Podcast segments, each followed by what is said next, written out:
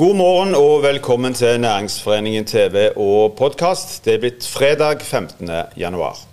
I år jobber oljeselskapene med 25 små og store prosjekter som de håper vedtas innen 2022. I dagens utgave av Muligheter, som vanlig med Tormod Andreassen og Harald Minge, presenteres prosjektene. I tillegg tar de for seg alt som er på trappene innenfor fornybar energi.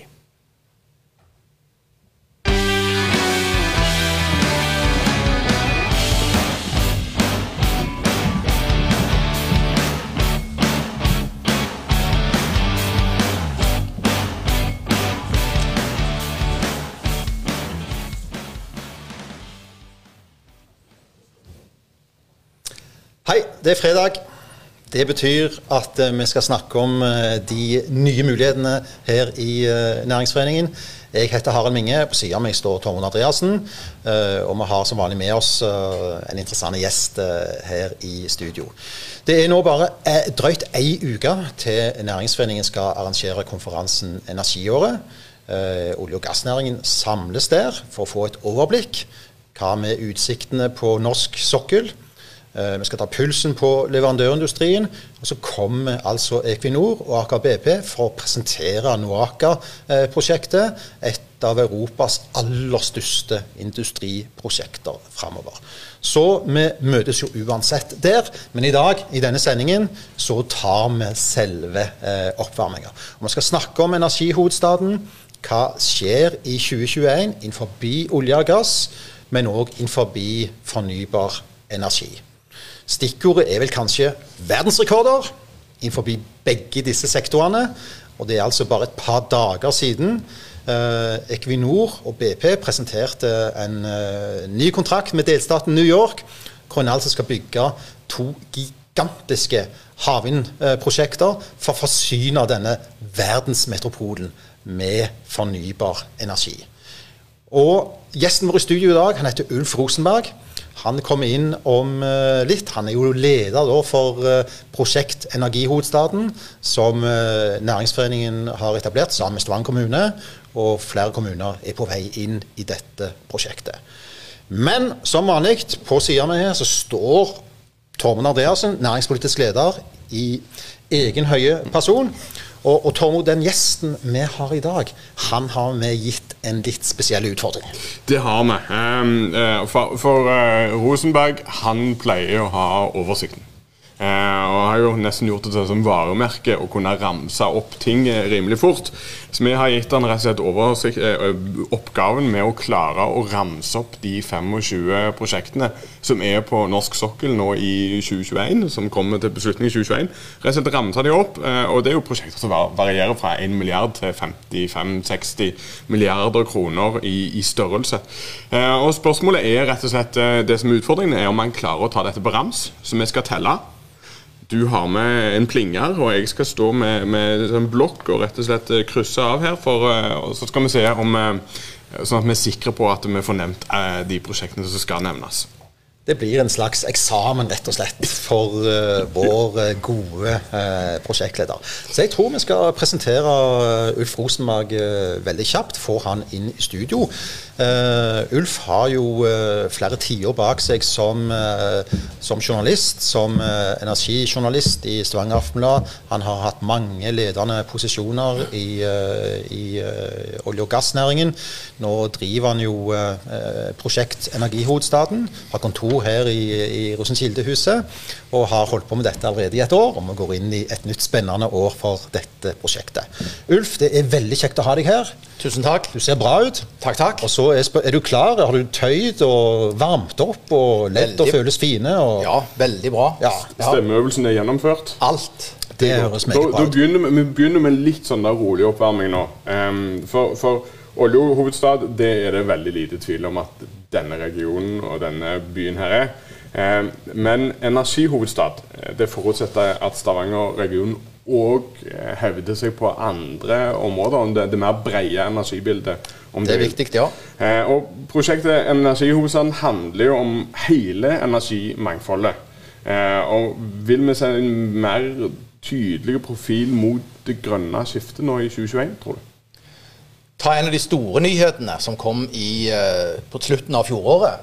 Og hvem skulle tro at i Stavanger, hvor det eneste fossefallet du har omtrent, det er den lille Sildrebekken i Kannik, så blir altså Stavanger indirekte en av landets store vannkraftkommuner gjennom sin eierandel i Lyse. Og så fikk vi nå nyheten om samarbeidet mellom Lyse og Hydro på driften av og oppsette eierskapet av Hydro og Lyse sine kraftanlegg, som jo er en kjempenyhet innenfor det fornybare. Og så kom jo nyheten i fjor om ny skattepakke for vannkraft. og Det blir veldig spennende å se hva som da kommer av nye vannkraftprosjekter. Så har Equinor, Aker og Equinor, Hydro og Panasonic dette samarbeidet om en batterifabrikk. Spennende dette året å se. Hvor blir den landa? Jeg oppholder meg jo en del på Sørlandet og i Arendal. Der er det jo en før og etter vedtaket om at den store batterifabrikken i sør skal plasseres der. Hvor blir Equinor, Panasonic og Hydro sin i Rogaland, hvis han blir i Rogaland? Så har vi eh, den massive satsingen på havvind, og vi fikk jo tre prosjekter. To prosjekter godkjent, eh, eller som er levert inn plan for. og Det er jo Hywind Tampen, to utgaver av den. Med elektrifisering av Sleipner-feltet. Sånn at dette griper jo inn i olje og gass. Og så er det jo nesten ikke tid til å ramse opp og gå gjennom punkt for punkt alle de nyskapende små og mellomstore bedriftene som holder på med banebrytende teknologier på fornybarområdet, og som skal bidra til det grønne skiftet. Og det kule er at hvis du ser på bakgrunnen til de folka, så kommer de fra oljeindustrien nesten alle sammen. Så er det altså konvertering av teknologi, konvertering av kapital, konvertering av kunnskap og personellkapasitet inn i det grønne skiftet. Og det er så spennende å følge med på. Det er jo nesten nyheter i media hver uke om nye initiativ på dette området. Ulf, vi hører jo eh, at en del eh, eksperter og kommentatorer beskriver på en måte denne transformasjonen innenfor energifeltet, altså fra olje og gass til fornybar energi, mer som et ferniss, et skalkeskjul for det de egentlig ønsker å holde på med. Men her snakker vi jo om altså verdensrekord på verdensrekord i prosjekter framover. La, la, la, meg få verdensrekordene. Verdens største havvind på Tampen. USAs største med potensial til å bli verdens største Equinor, som du nettopp nevnte, ut forbi New York. Equinor har tatt en kjempeposisjon i Japan med stort potensial. Korea med stort potensial, som også kan bli verdens største. Og de har tatt posisjoner i, i Sør-Amerika. Så dette er ikke portel, det er ikke halvveis, det er ikke litt. Og disse prosjektene har jo forankra i Nordens største selskap, Europas største skattebetaler, som har hovedkontor på Forus i Stavanger. Veldig bra. Jeg tror eh, at vi skal komme oss i gang med det som er hovedøvelsen her i dag. Sant? For nå skal vi snakke om olje og gass. Eh, jeg nevnte energiåret òg innledningsvis. Det er òg eh, en konferanse som handler om, eh, om olje og gass i all hovedsak. Uh, og du har altså sagt, Ulf, og lagt lista der, at du skal kunne klare å uh, presentere utenat alle de 25 prosjektene som er på trappene uh, av oljeselskapene fra nå av, altså 2021, og som gjerne kan få sin beslutning i løpet av 2022. Tormod Andreassen og meg kommer til å sekundere deg. Og jeg har jo funnet fram en, et lite glass her. Sånn, bare sjekke om, om det virker. Selvfølgelig et champagneglass for å markere hvert prosjekt du klarer. Og dette må jo gå fort. Uh, men uh, klarer du dette, så er du den eneste i Norge, og sannsynligvis i verden, som har klart alle 25 prosjektene på rams. Så da er spørsmålet, og Tormod eh, teller, jeg plinger, og da er spørsmålet er du klar? Jeg er klar. Da teller jeg ned fra tre.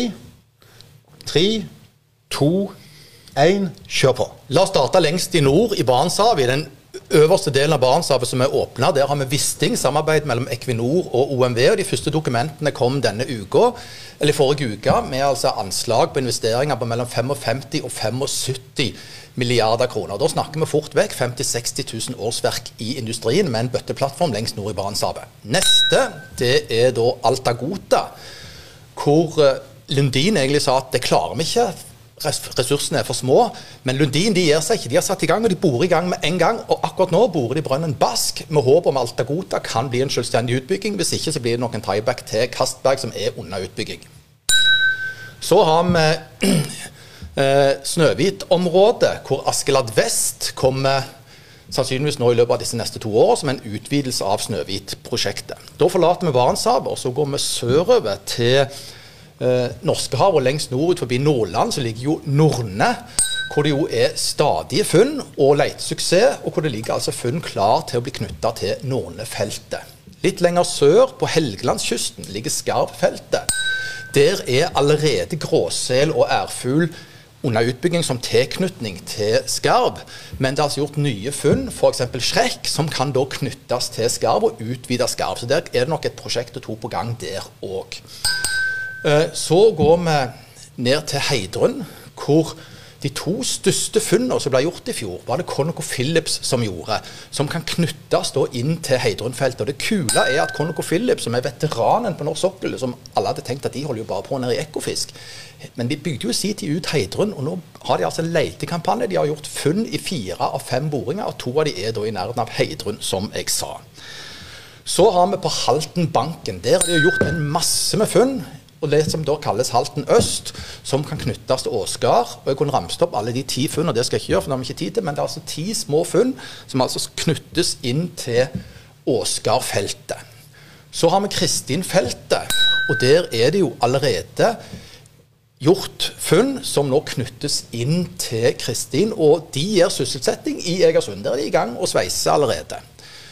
Um, så har vi Draugen, som jo er veteranen i Norskehavet, hvor, eh, hvor Okea har overtatt operatørskapet fra Shell. Og der har vi eh, Hasselmusfunnet, som vi håper at de finner økonomi og klarer å knytte til. Uansett så jobber de òg med elektrifisering av Draugen-feltet. Så der er det egentlig to prosjekt i én. Eh, og Okea var jo det, med Draugen. Og så det var jo Shell som starta Draugen i sin tid. Shell har jo ikke gitt opp Norskehavet i det hele tatt. Du har Åsgard, unnskyld, du har Ormen Lange, hvor det er snakk altså om Ormen Lange fase 3, 10 milliarder, på å sette to gigantiske kompressorfabrikker 800 meters havdyp og knytte inn til landanlegget på Nyhavna, hvor det òg blir ombygging og utvidelse knytta til det for å få ut ytterligere mer gass av Ormen Lange, som allerede ligger i verdenstoppen på utvinningsgrad. Så har vi eh, Lindorm, som svært funn som ligger i Norskehavet, og som er veldig spennende. Om Shell nå klarer å riste liv i på nytt. De har gått ut med forespørsel globalt om å se på en flytende løsning, for å se om en kan bygge det ut med en flyter. Og apropos funn som ligger i Norskehavet som ikke er blitt noe av, det er Victoria, som Total i sin tid påviste, men som Total har gitt opp, og som nå Conoco Phillips har tatt over og ser på på nytt og snur bunker for å se om det er mulig å få til en utbygging av dette Victoria-funnet. Da passerer vi på vei sørover. Eh, ja, glemte én, og det er Vintersals hardt prøvede Maria-prosjekt. Eh, hvor de nå har gjort et nytt funn. Det var det fjerde største funnet på norsk sokkel i fjor. Bergknapp, som da kan gå inn og styrke økonomien og ressursgrunnlaget i Maria-utbyggingen. Da passerer vi 62 ned breddegrad og Stad og skifter navn fra Norskehavet til Nordsjøen. og Da er vi lengst nord i Nordsjøen, på Gjøa-området, hvor du har Grossbeck-funnet, som kan knyttes til Gjøa. Det foregår allerede en utbygging med et par-tre Nova Duva og P1 som knyttes nå til Gjøa-feltet. Går vi litt lenger vest, så kommer vi til Snorre Visund, hvor du har Garantiana, som Equinor har overtatt ifra eh, fra Total, og som de kanskje kan riste liv i der. Pluss at Neptun gjorde et veldig spennende funn lengst nord der som heter Dugong, som kanskje òg kan modnes fram til en beslutning i 2022. Kanskje. Eh, et av de store funnene for noen år siden var Brasse.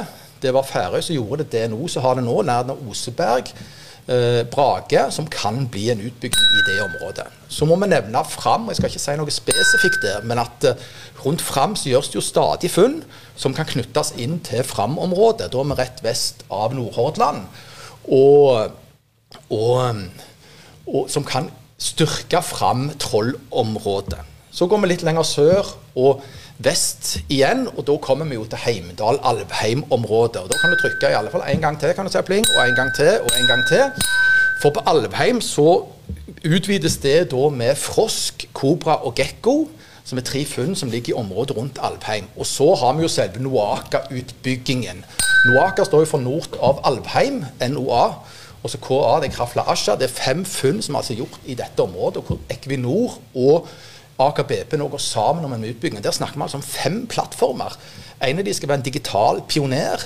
Vi snakker om borearbeid, som skal sysselsette mange mange tusen årsverk, og en utbygging til en 50 milliarder, kanskje en 50 000 årsverk til industrien. Hvis vi da tar 50 000 årsverk, og så tar vi norskandelen 70 og Rogalandsandelen 30% så vet vi at dette betyr altså tusenvis av jobber i denne regionen. Så Det var Noaka. Og da kommer vi videre til uh, til, eh, til Sleipner-området, hvor, eh,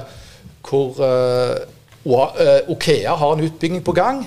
Og hvis vi går helt ned i, nesten i Farsundbassenget, så ligger Vetteprosjektet, som de da tenker å lage en kopi av denne Grevling som ligger ved Sleipner, som jeg sa i stad. Og Vette de, de, ligger langt fra hverandre, men for en kopiutbygging så kan det altså skapes lønnsomhet òg i disse veldig små funnene der. Og så går vi altså lengst sør i Nordsjøen. Og King Lear er et av de største gassfunnene, eller kanskje det største gassfunnet i Nordsjøen som ikke er utbygd. Og Det er klart, det er jo kjempespennende, fordi at der får vi nå kan det kan revitalisere Aker BP sitt Ula-felt. Og vi trodde jo at Ekofisk til, eh, Snart må jo Ekofisk òg ta slutt. Nei da, nå er de i gang altså med Elfisk Nord i Ekofisk-området. Og ConocoPhillips satser på å fremme utbyggingsplan for det i løpet av det året som kommer. Får vi håpe. Og så, da, til slutt ned til Tommeliten lengst i sør. Og Tommeliten er jo et uh, funn gjort i 1976, og som nå kommer til utbygging. Og hvor Aker i Egersund har sagt når vi får den kontrakten, så vil det sysselsette 100 mann i hele 2022. Så dette har betydning for arbeidsplasser nær oss. Jeg tror vi må ta rett og slett eh, Jeg får litt lyst til å si at vi må ta en liten skål jeg, for uh, Ulfnessen her jeg står med glasset. Dette var jo fantastisk. Her kom jo uh, jubelen òg. Uh, og jeg ser jo at uh, tida er i ferd med å, å renne ut. Du satte ikke fartsrekord på dette innlegget. Nei, men Det er grenser for hvor fort du kan snakke om altså en prosjektportefølje til en plass mellom 250 og 350 milliarder kroner, som da modnes fram Kanskje, forhåpentligvis, til beslutning i det året som kommer. Og neste år. Tormod, er du uh, imponert? Jeg er imponert. Eh, og så uh, sitter jeg jo igjen med det spørsmålet som alltid er ubesvart etter folk nevner opp oljebygginger. Det er navnet på disse prosjektene. Gekko og Hasselmus og sånne. Hvordan finner de de navnene? Men det skal vi ikke gå inn på nå. Vi gleder oss til energiåret. Denne sendingen går mot slutten. Takk for at du kom i studio, Ulf Rosenberg. Vi skal som vanlig avslutte med en liten filmsnutt. For det at Stavanger-regionen er full av gründere og nye, spennende bedrifter. Og i serien Nysnakk så skal vi altså vise disse fram. Kanskje det er et nytt industrieventyr som dukker opp i disse filmsnuttene. Vi skal runde av. Tormod Andreassen. Harald Minge. Kjør film. God helg. Hi, my name is Patricia Mendez, and I am the founder of Salsitas. We create authentic Mexican food based on local ingredients in order to inspire and contribute to a positive social change. So I am originally from Mexico and I moved in Stavanger in 2012. First thing I noticed is that Norwegians lo- love tacos and they have this Nor- taco fredag tradition. Uh, the food was different, was more Tex-Mex, and the salsas were different. So that's why I decided to to produce Mexican-style salsas based on my family's recipes. And but in Mexico, we do it with this special tomato that's called green tomato in Mexico, tomate verde or tomatillo. It's not really a tomato; it's a physalis. But uh, so I, since I'm in the green greenhouse area, I decided to ask some producers if they could grow it for me. Uh, but it was a new crop, so this is how it became innovation. So I got, I was able to get grants, and I partner and team up with Nufima and IBIO, and we tested the production of the of the salsas and the growth of our crops. Uh, we have managed to do it successfully, and this is because it was very important to me to create something really authentic and new environment. Uh, so now you can find my salsas in in different stores in Stavanger. So I invite you to try them. Uh, they're hot, but they're like Norwegian hot. They're like they only bring the special kick in your food. You can follow me on Instagram and Facebook, salsitas.no, and we're looking for investment because we're growing.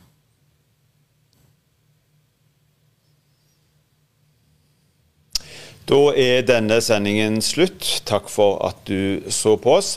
Vi er tilbake igjen på mandag samme tid. I mellomtiden, ha en riktig god helg. Ta godt vare på hverandre, hold avstand, men ta gjerne i bruk byen.